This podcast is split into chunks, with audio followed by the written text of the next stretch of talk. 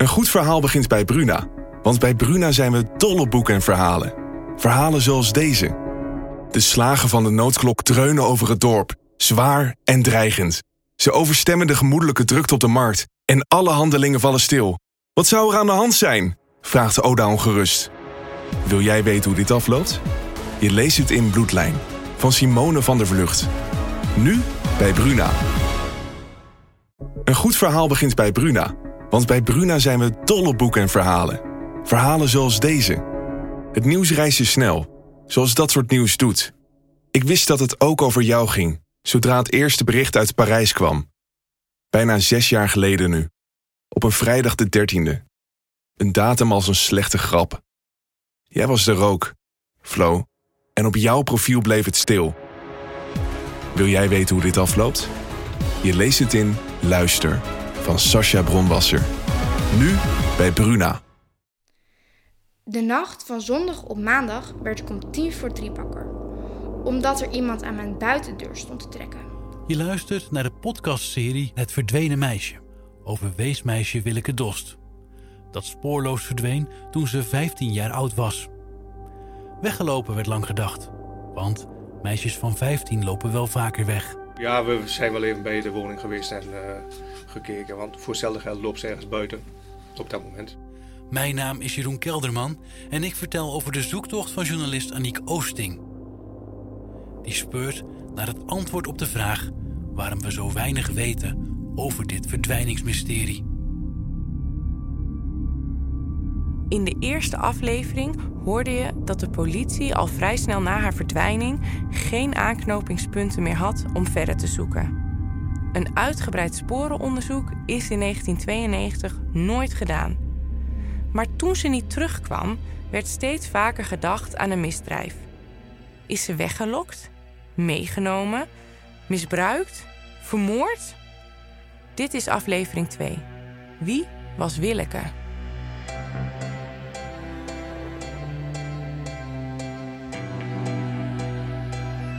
Sinds afgelopen woensdagmorgen wordt vermist de 15-jarige Willeke Dost uit Koekangen. Het meisje is ongeveer 1,75 meter lang. Ze heeft blond sluikhaar tot op de schouders, mogelijk in een paardenstaart.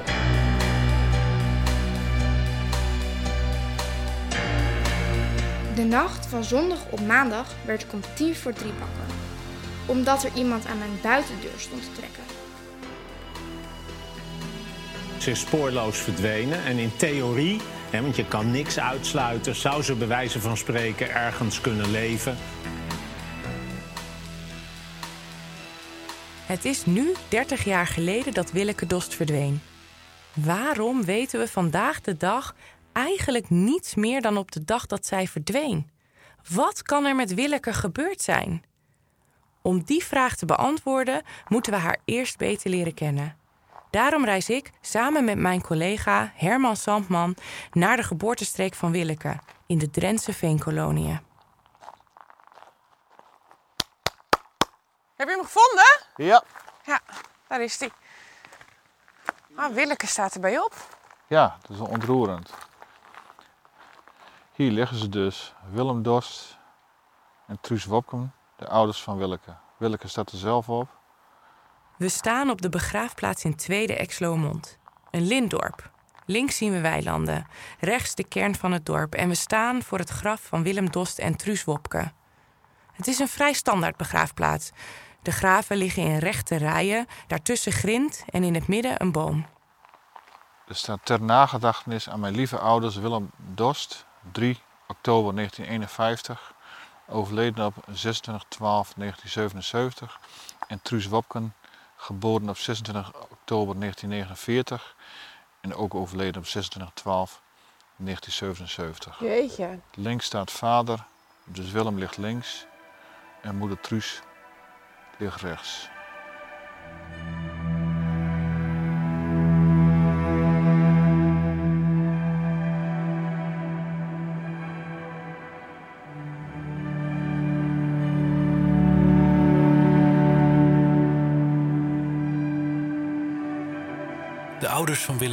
Halen op tweede kerstdag 1977 met de auto patat voor het avondeten. En komen nooit meer terug. Wat hen is overkomen, zal het leven van Willeke voor goed veranderen. Het is, is continu aan het overleven ergens natuurlijk. Alleen dat overleven doet ze met een bepaald gedrag wat afwijzing oproept. Willeke was continu aan het overleven, zegt Roelof Martens, die vanaf 1981 haar gezinsvoogd is. Ik vraag me dan gelijk af, wat voor meisje was Willeke? Waarom gedroeg zij zich zo? We gaan terug naar de avond van tweede kerstdag 1977. Naar een klein Drents dorp, een kleine 60 kilometer ten noordoosten van Koekangen. Daar wonen Truus en Willem met hun baby Willeke. Nummer 23 is dit. Het meisje wordt geboren op 26 november 1976. Het gezin woont in een vrijstaand huurhuisje aan de enige weg die het langgerekte dorp Rijk is. Ja, en het moeten twee huizen vlak bij elkaar zijn, want je hebt 28 en 28a, dus dan zou dat dit, dit zijn. Ja, ik moet even. Er komt een auto achter mij aan, dus ik zet hem even aan de kant Ja. en dan doe ik de alarmlichten ook even aan. Het geboortehuis van Willeke Dost wordt na een korte speurtocht gevonden. Oké. Staan we nu op de oprit voor het ouderlijk huis. Het is een mooi huis voor een straat te maken. Aniek en haar collega Herman Sandman zijn naar Eerste Exeloermond gereden. De plaats waar Willeke bijna 50 jaar geleden wordt geboren. En ze zijn benieuwd of er nog iets te vinden is dat naar Willeke verwijst. Het is best een leuk huisje. Het is niet groot, het is maar nou ja, voor stadse begrippen wel. Eh, maar het heeft een eigen oprit, best wel veel groen eromheen. Hier is niemand thuis. Maar bij de buren wel. En Herman besluit zijn geluk te beproeven. Dag. Mag ik u vragen? Ik kan niks verkopen, maar eh nou ja, wie bent bezig met een eh, verhaal over het wichtje wat hier verdwenen is, die de ouders die hier woont. Ja. Truus en Willem. Ja, dat waren mijn buren, ja. Ja, ja, Willem en Truus, ja. Ja. Ja. De buren van Truus en Willem blijken hier nog steeds te wonen en willen graag met ons praten over vroeger. Van de buren krijgen we de naam van Hendrik Scheepstra. Hij was de boezemvriend van Willem en zou die kerst in 1977 met zijn vriendin Rikst bij Truus en Willem op bezoek zijn geweest. Hendrik is al overleden, maar Rikst wil wel met ons praten over de ouders van Willeke en de avond van het ongeluk. Rikst, die dan nog maar 16 jaar oud is, komt met haar verkering Hendrik vaak over de vloer. Truus is volgens haar een rustige, lieve vrouw die altijd een beetje op de achtergrond is. Willem niet. Die heeft bravoure, weet wat hij wil en lust graag een biertje. Truus werkt destijds in een supermarkt in Koevoorde, weet Rikst. Als haar vriend Hendrik daar samen met Willem in de buurt aan het werk is, piept Willem er vaak even tussenuit om Truus te zien. Ze kennen elkaar dan net. Mm, Ja, wat was Willem voor een man? Eh, hoe moet ik dat nou uitleggen? Eh, ja, een beetje moeilijke omschrijving. Want eh, ja, goed, hij kan natuurlijk ook wel eigenzinnig wezen. En hij kan soms ook wel wat egoïstisch wezen. Maar hij eh, was goed voor Truus. Ik bedoel, en hij was hartstikke gek met hun dochtertje natuurlijk. Hè, van, eh, ja, wat was Willem voor een man? Zo, ja, ik vond hem wel aardig. Willeke is een makkelijk kind volgens Rikst.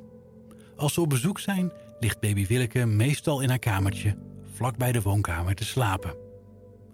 De twee stellen zien elkaar vaak, zo ook op tweede kerstdag 1977. Nou ja, tweede kerstdag, hapje, drankje. En op een gegeven ogenblik, ja, toen was het eh, dan dus eh, nou, bijna etenstijd. Nou, we moesten met patat opgehaald worden. Moet bij vertellen, van Truus haar auto, daar deugden de remmen niet zo heel erg van. En Truus die had eigenlijk nog nooit in een nieuwe auto gereden. En die van ons die was dan dus nog geen half jaar oud. En eh, dus eh, ja goed, toen eh, heeft mijn man gezegd van nou ja, neem dan mijn auto maar mee. Dan kun je daar ook eens een keertje in rijden. Nou, dat stond Truus wel aan natuurlijk, dus. Dan was het, Truus van, ga jij mee, Richt? Ik zeg van, ah, ik zeg van, zo vaak zitten je niet met z'n beiden in die auto. Ga maar mooi met z'n tweeën. Nou ja, dat was ook prima. Dus uh, zij met z'n tweeën in de auto. En ze kwamen maar niet terug. En uh, op een gegeven ogenblik zei mijn man van... ik vertrouw de zaak niet. Van, uh, voor hetzelfde geld dan zitten ze daar aan de bar en... Hè, ik ga er maar eens een achterna. Dus die heeft de auto van Willem gepakt. En die is die kant ook opgegaan. En die kwam ook maar niet weer. Willem en Truus rijden naar de snackbar in de nieuwe Golf Sprinter van Hendrik. Ze hoeven niet ver. Het is maar een klein stukje over de Mondenweg naar Tweede Exloermond, het dorp even verderop. Het ongeluk dat dan gebeurt maakt zoveel indruk dat de buren van Truus en Willem het zich nog kunnen herinneren, vertelt buurmeisje Corrie. Ik vergeet niet weer hoe zij hier weggereden ben. Ja. Dat ik dacht van, dit gaat niet goed. Hij scheurde hier weg, samen met Truus. Ja. Dat was niet normaal. En hoe oud was jij toen? Ik was 14, denk ik. En dan heb je al het beeld van, ze rijdt niet weg van als dat maar goed komt. Ja, en dat- dat... Maar ze gingen niet rijden om bij uh, restaurant Tuin uit Vermont. Ja. Ja, en hoe, hoe laat was dat? Het uur van vijf, vijf uur. Ja, het was al donker. Ja. donker, ja. Ja. Ja. En toen kwam mijn oudste dochter, die kwam met haar vriend weer. En toen zei, toen zei ze, van, er is wat gebeurd op de Monnenweg. We gaan kijken. En toen kwam ze weer helemaal wit verdronken. Ze schrok zo doodje dat de buren dat waren. Dan ze wel allemaal onder doeken. Dan ze wel gevraagd wie dat waren. Ja. Dus als ik er nou aan denk, krijg ik nog kippenvel. Ja.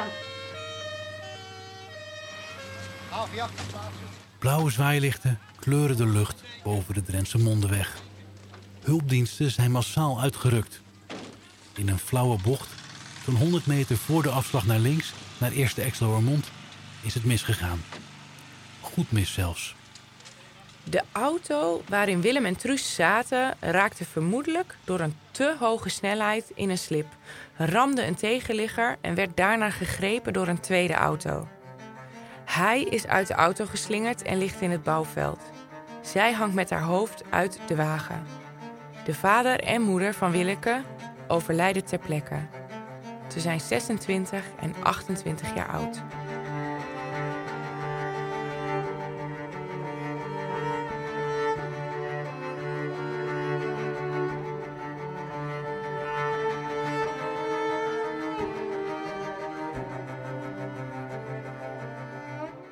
En op een gegeven moment, toen begon Willeke te huilen. En die heb ik dus van bedje afgehaald.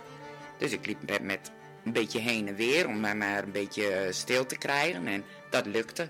En ja, de keukenraam die keek precies richting de Mondenweg. Nou ja, toen zag ik de lampen. Een en al blauw. Dus ja, daar was wat gebeurd. En ja, het klopte aardig wel met de tijd.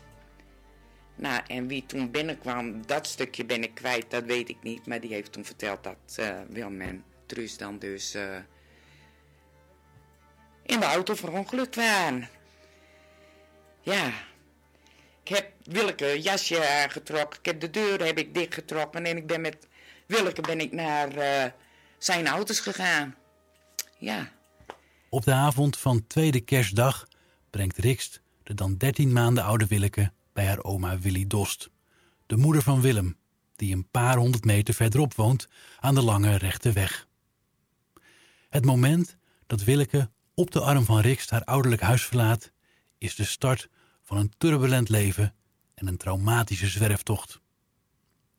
We staan hier uitgebreid bij stil, omdat het trauma dat hier ontstaat alles bepalend is voor de rest van het leven van Willeke. In eerste instantie wordt Willeke opgevangen door haar oma.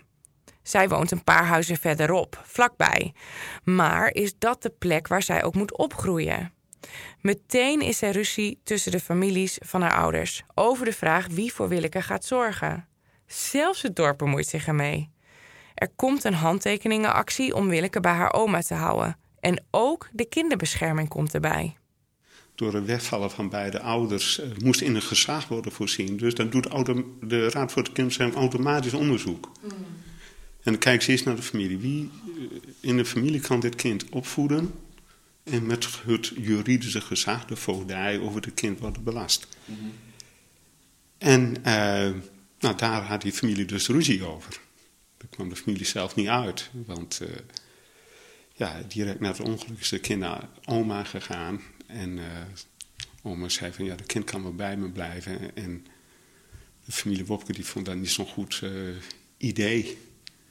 En die zegt van, nou, dit is geen goede opvoedingssituatie. Het kind kan beter bij ons zijn. Mm. En toen heeft de Raad voor de Kinderbescherming geadviseerd dat het kind naar de familie Wopken moest. Dus die, die, die, is op last eigenlijk van, min meer van de rechter. En de Raad voor de Kinderbescherming, die adviseert dan de rechtbank. Die heeft toen de rechtbank geadviseerd, dit kind moet naar de familie uh, Wopken. En ook de familie Wopken moet het gezag over dit kind krijgen. De Raad voor de Kinderbescherming oordeelt dus dat Willeke het beste kan wonen bij de broer van haar moeder, Theo Wopke en zijn vrouw Klaasje. Zij krijgen de voogdij. Willeke moet weer verhuizen, weer wennen aan een nieuw huis, weer nieuwe ouders en samenleven met twee oudere neven en een nicht. En dat gaat niet goed. De peuter geeft over, ze plast in bed en ze stopt met eten. Niet zoals ieder kind wel eens een maaltijd weigert. Willeke is zo hardnekkig dat ze wordt doorverwezen naar een ziekenhuis. Ja, die vonden geen enkele lichamelijke aanwijzing waarom dit kind niet at. Dus het moest wel op, op het ja, emotionele vlak liggen, op het vlak van betrokkenheid. En uh, ze maakte toen ook die uh, ouders Wopke meer, en met name mevrouw Wopke, die is nog een beetje ijzend.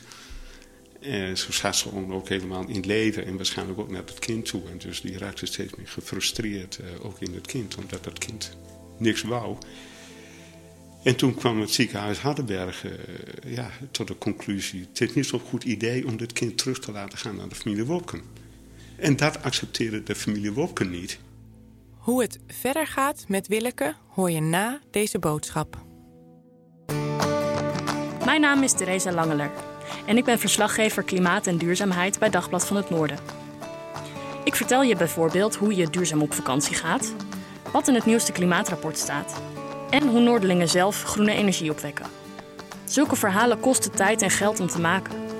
Neem nu een digitaal abonnement op Dagblad van het Noorden, zodat ik dit soort producties kan blijven maken. Opstandig en onhandelbaar. Volgens Martens verzet Willeke zich zo hardnekkig omdat ze, klein als ze is, al beschadigd is door wat ze heeft meegemaakt. Het ongeluk van haar ouders, het afscheid van haar oma en het niet kunnen aarden in het gezin van haar oom en tante. Een hechtingstoornis in ontwikkeling, zeggen de artsen. Wat dat precies is, daar komen we later op terug. Maar het is belangrijk om te weten dat Willeke dus geen gewoon meisje is en dat ze anders reageert dan kinderen van haar leeftijd. Het psychiatrisch ziekenhuis vindt dat Willeke niet meer bij de familie Wopken kan wonen. Ze zijn geen goede match. Haar oom en tante zijn het hier niet mee eens. Zij hebben Willeke opgenomen in hun gezin en willen hun kleine nichtje niet loslaten. Daarom komt de kinderrechter eraan te pas. En die stelt Willeke onder toezicht. Haar oom en tante hebben nu veel minder over haar te zeggen. We hebben natuurlijk tante Klaasje Wopke gebeld en gevraagd of ze ons meer over Willeke wilde vertellen. Haar oom Theo is al overleden. Maar Klaasje Wopke heeft problemen met haar gezondheid. Door over Willeke te praten komt alles weer boven en dat vindt zij op dit moment te moeilijk. Nu Willeke niet meer bij familie mag wonen, wordt ze ondergebracht bij een stichting. De Stichting Therapeutische Gezinsverpleging. Ze is een tijdje op de psychiatrische afdeling van Academisch Ziekenhuis Groningen, maar krijgt een nieuw thuis bij een pleeggezin. Dat is het moment dat Roelof Martens als gezinsvoogd en toezichthouder in haar leven komt. En dit is de Willeke die hij ontmoet. Ik heb haar altijd wel eens uh, meegemaakt met een kind uh, ja, die nauwelijks iets zegt, heel afhoudend is. Uh, zo heeft ze wel, zich wel gemanifesteerd. Willeke is geen gemakkelijk kind. Het is een moeilijk kind zelfs. De gezinnen waar ze terechtkomt zijn allemaal therapeutische pleeggezinnen. Mensen die weten dat ze een kleuter in huis krijgen met psychische klachten. En die weten hoe ze daarmee om kunnen gaan. Maar toch gaat het mis in die pleeggezinnen. Haar pleegouders in het eerste gezin gaan scheiden en het tweede gezin houdt het niet vol. Willeke is dan een jaar of zes. Hoe komt het toch dat het met Willeke niet wil lukken? Nou ja, ik kan het hele rijtje opnoemen. Uh, laag zelfbeeld. Weinig vertrouwen in zichzelf en anderen. Moeilijk om kwetsbaar op te stellen. En vanuit onveiligheid ervaren anderen als onbetrouwbaar. Druk en chaotisch in denken. Dat wil niet zeggen dat het kind chaotisch is. Maar het is net als met ADD, van binnen ben je wel chaotisch. Snel boos en gefrustreerd. En dat komt vanuit een vorm van gekrenktheid. Kan geen vriendschappen onderhouden. Onvoorspelbaar gedrag. Kan ook niet goed nadenken over oorzaak en gevolg. Want het overkomt je. Doordat je weinig structuur hebt van jezelf, uh, ja, is, is alles een soort prikkel voor je waar je weer een soort oplossing voor moet bedenken. En men zoekt ook vaak de grenzen op, en dat geldt met name voor pleegouders, waardoor pleegouders uiteindelijk ook uitgeput raken. Het zijn eigenlijk kleine kinderen van zes jaar die voortdurend in de puberteit zitten.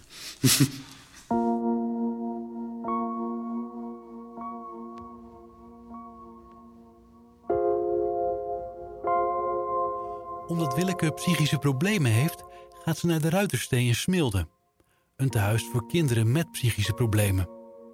Daar wordt gewerkt aan haar probleem. Daar kan ze onderduiken in een groep.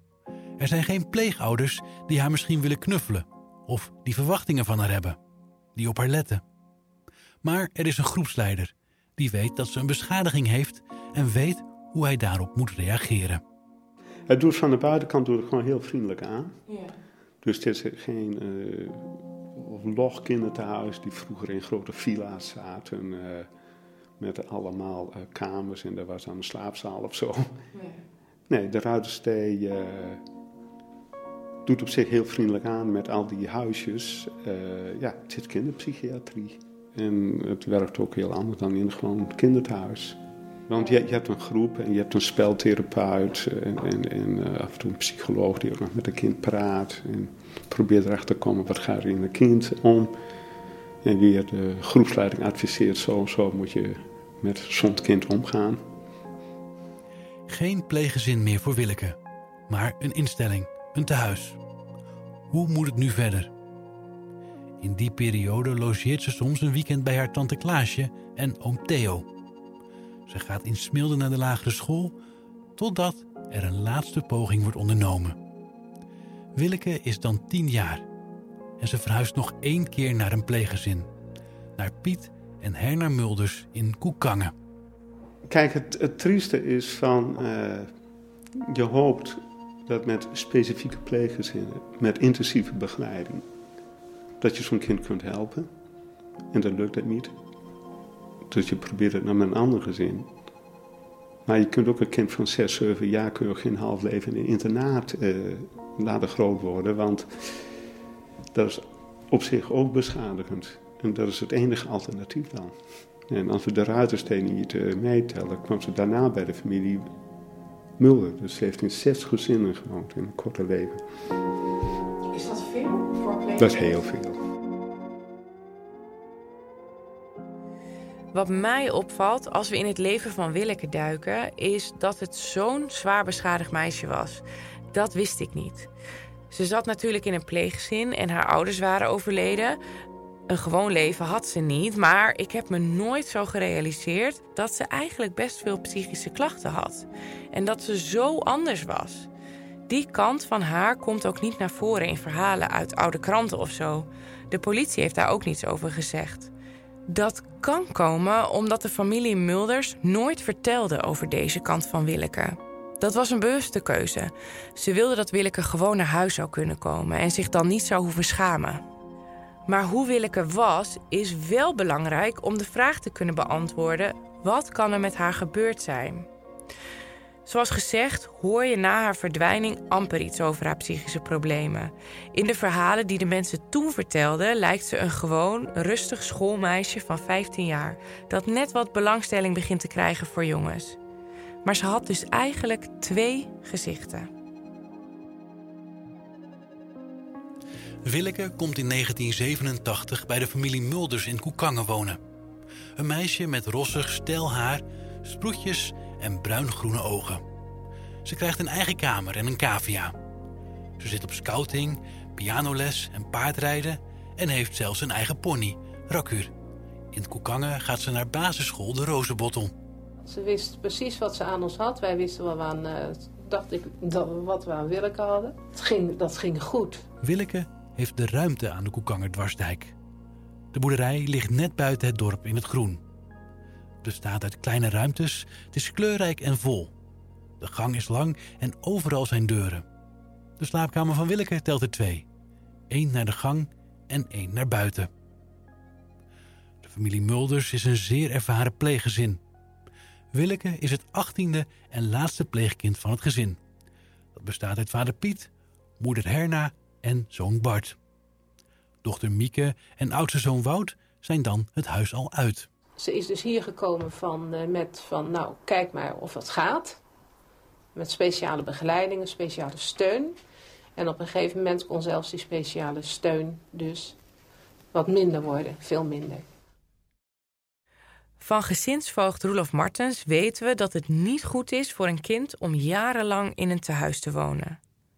Maar we weten ook dat Willeke al in twee pleeggezinnen is gestrand, omdat het geen gemakkelijk meisje was.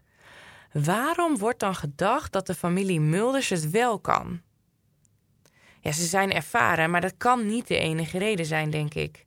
Daarom vraag ik dit aan maatschappelijk werker Fred van Asdonk, die Willeke al sinds haar derde levensjaar kent. Ik, ik herinner me dat ze zeiden van nou, Willeke is dan zal wel onze laatste zijn. Mhm. Maar voor hun was het een uitdaging om te laten zien van, denk ik, van uh, nou, dit, dit kunnen wij ook en, en dit gunnen we dit meisje nog een plekje wat binnen een klein gezinsverband zich wat verder zou kunnen uitgroeien. Ja, zij deden aan opvoeden. Hm. En, en uh, ik denk dat dat wel hun kracht is van, om proberen een stukje puberopvoeding en daarvoor ook nog mee te geven soms wil je deze kinderen ook wel warmte meegeven. Nou, dat, dat, dat was niet hun sterkste punt. Nee. Maar weet je, dat, dat hoorde ook niet zo bij Willeke. Want juist als je probeerde echt een wat in dat warm contact met haar te krijgen, dan kreeg je dat, dat, deksel weer op je neus. Dat, dat deze kinderen die, die, die, uh, die houden dat af. Warmte was niet het sterkste punt van de familie Mulders, zegt Fred Verasdonk. Het is belangrijk om dat te onthouden. Want de zakelijke, rationele houding van het echtpaar heeft na de verdwijning van hun pleegdochter grote gevolgen. Een heel gewoon leven voor de meesten, maar voor kinderen als Willeke helemaal niet vanzelfsprekend, weet Verasdonk, die jarenlange ervaring heeft. De eerder genoemde hechtingstoornis zorgt ervoor dat Willeke weinig vertrouwen heeft in mensen. Het normale vertrouwen wat je in mensen hebt, wat je vanuit de opvoeding, bij een normale opvoeding meekrijgt, dat is er dan niet. Uh, je, het is een, je hebt wel verschillende soorten hechtingsproblematieken. Uh, bij haar zal het ook wel, denk ik, een, een, veilige hechting geweest zijn. In de zin van, uh, ze heeft nooit een constante opvoeder gehad. Ja, dat heeft invloed, dus hechtingsproblematiek, dat heeft dan invloed op het gedrag. Van, en dat kan zijn van dat je extreem angstig bent, bijvoorbeeld. Maar je kunt een hele rits aan voorbeelden noemen. Uh, maar het kan ook zo zijn dat, uh, dat je uh, gewoon heel erg aanwezig bent. Dus dat, dat is per kind vaak ook weer verschillend en, en, en, wat je hebt meegemaakt. Je staat in ieder geval anders in de wereld. Minder zeker, met, met minder vertrouwen. Terwijl je dat misschien zelf niet eens door hebt. Wat er precies met Willeke is gebeurd in haar jonge leven, daarover wil en mag Verasdonk geen uitspraken doen. Maar de basis voor de hechtingstoornis die ze ontwikkelde is al vroeg gelegd. We hebben wel een dossier eh, meegekregen en uit dat dossier blijkt van dat het toen al niet goed gegaan is, toen ze nog thuis was. En toen is het eerste jaar voordat haar ouders verongelukten? Ja, ja, dus eigenlijk al vanaf de geboorte is eigenlijk al wel zijn de signalen gekomen van, nou hier verloopt de verzorging en opvoeding niet zoals je dat als kind mag verwachten.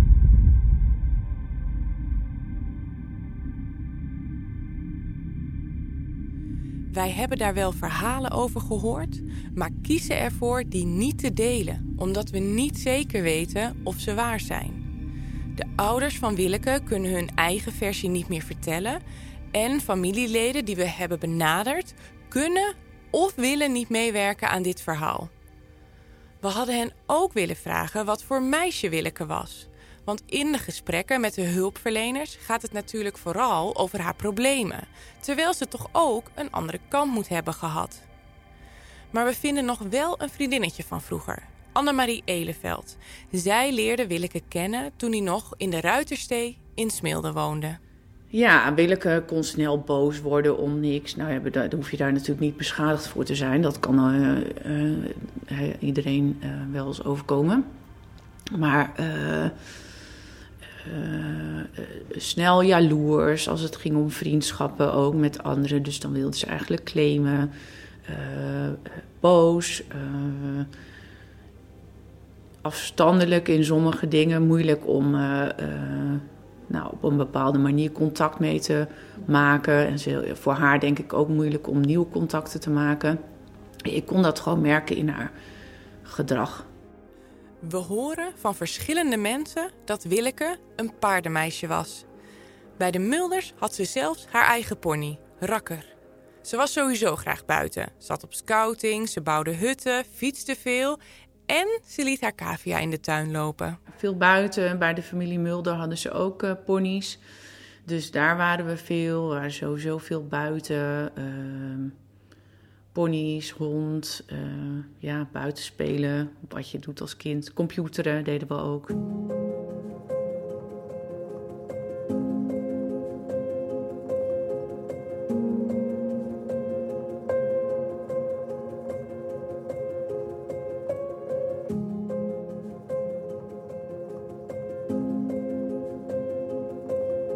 Vriendinnen van Willeke merken ook dat ze anders is. Ze had twee gezichten. Wat mij verder is opgevallen, is dat ze vaak maar één goed vriendinnetje per keer had. Op de middelbare school heeft ze een tijdje deel uitgemaakt van een groepje van drie, maar dat was opeens voorbij. Uiteindelijk wordt Geke haar hartsvriendin. Voor anderen heeft ze dan veel minder oog. Hulpverleners zijn het er dan ook over eens dat Willeke niet echt in staat was om een relatie aan te gaan. Fred Verastonk noemt ook de naam van Geke. Een vriendinnetje met wie Willeke blijkbaar een bijzondere band had. Geke gaat een mysterieuze rol spelen na haar verdwijning. Deze Geke heeft wat gezien. Hoe precies? Dat hoor je in de volgende aflevering.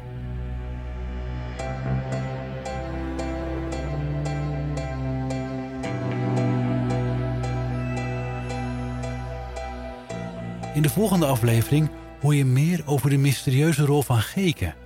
En hoe geruchten over de verdwijning van Willeke een compleet eigen leven gaan leiden. Heb je tips voor ons? Mail dan naar willekedost.dvan.nl Je luisterde naar de tweede aflevering van de Dagblad van het Noorden podcast Het Verdwenen Meisje. Deze podcast werd gemaakt door Aniek Oosting, Herman Sandman, Jantina Russe en mijn naam is Jeroen Kelderman. Met dank aan Gert Meijer en Frank Jeuring en speciale dank aan oud-journalist Ed van Tellingen, die zijn archief en herinneringen met ons wilde delen. De stem van Willeke werd ingesproken door Noor. Het historisch audiomateriaal dat je hoorde hebben we gebruikt met toestemming van RTV Drenthe.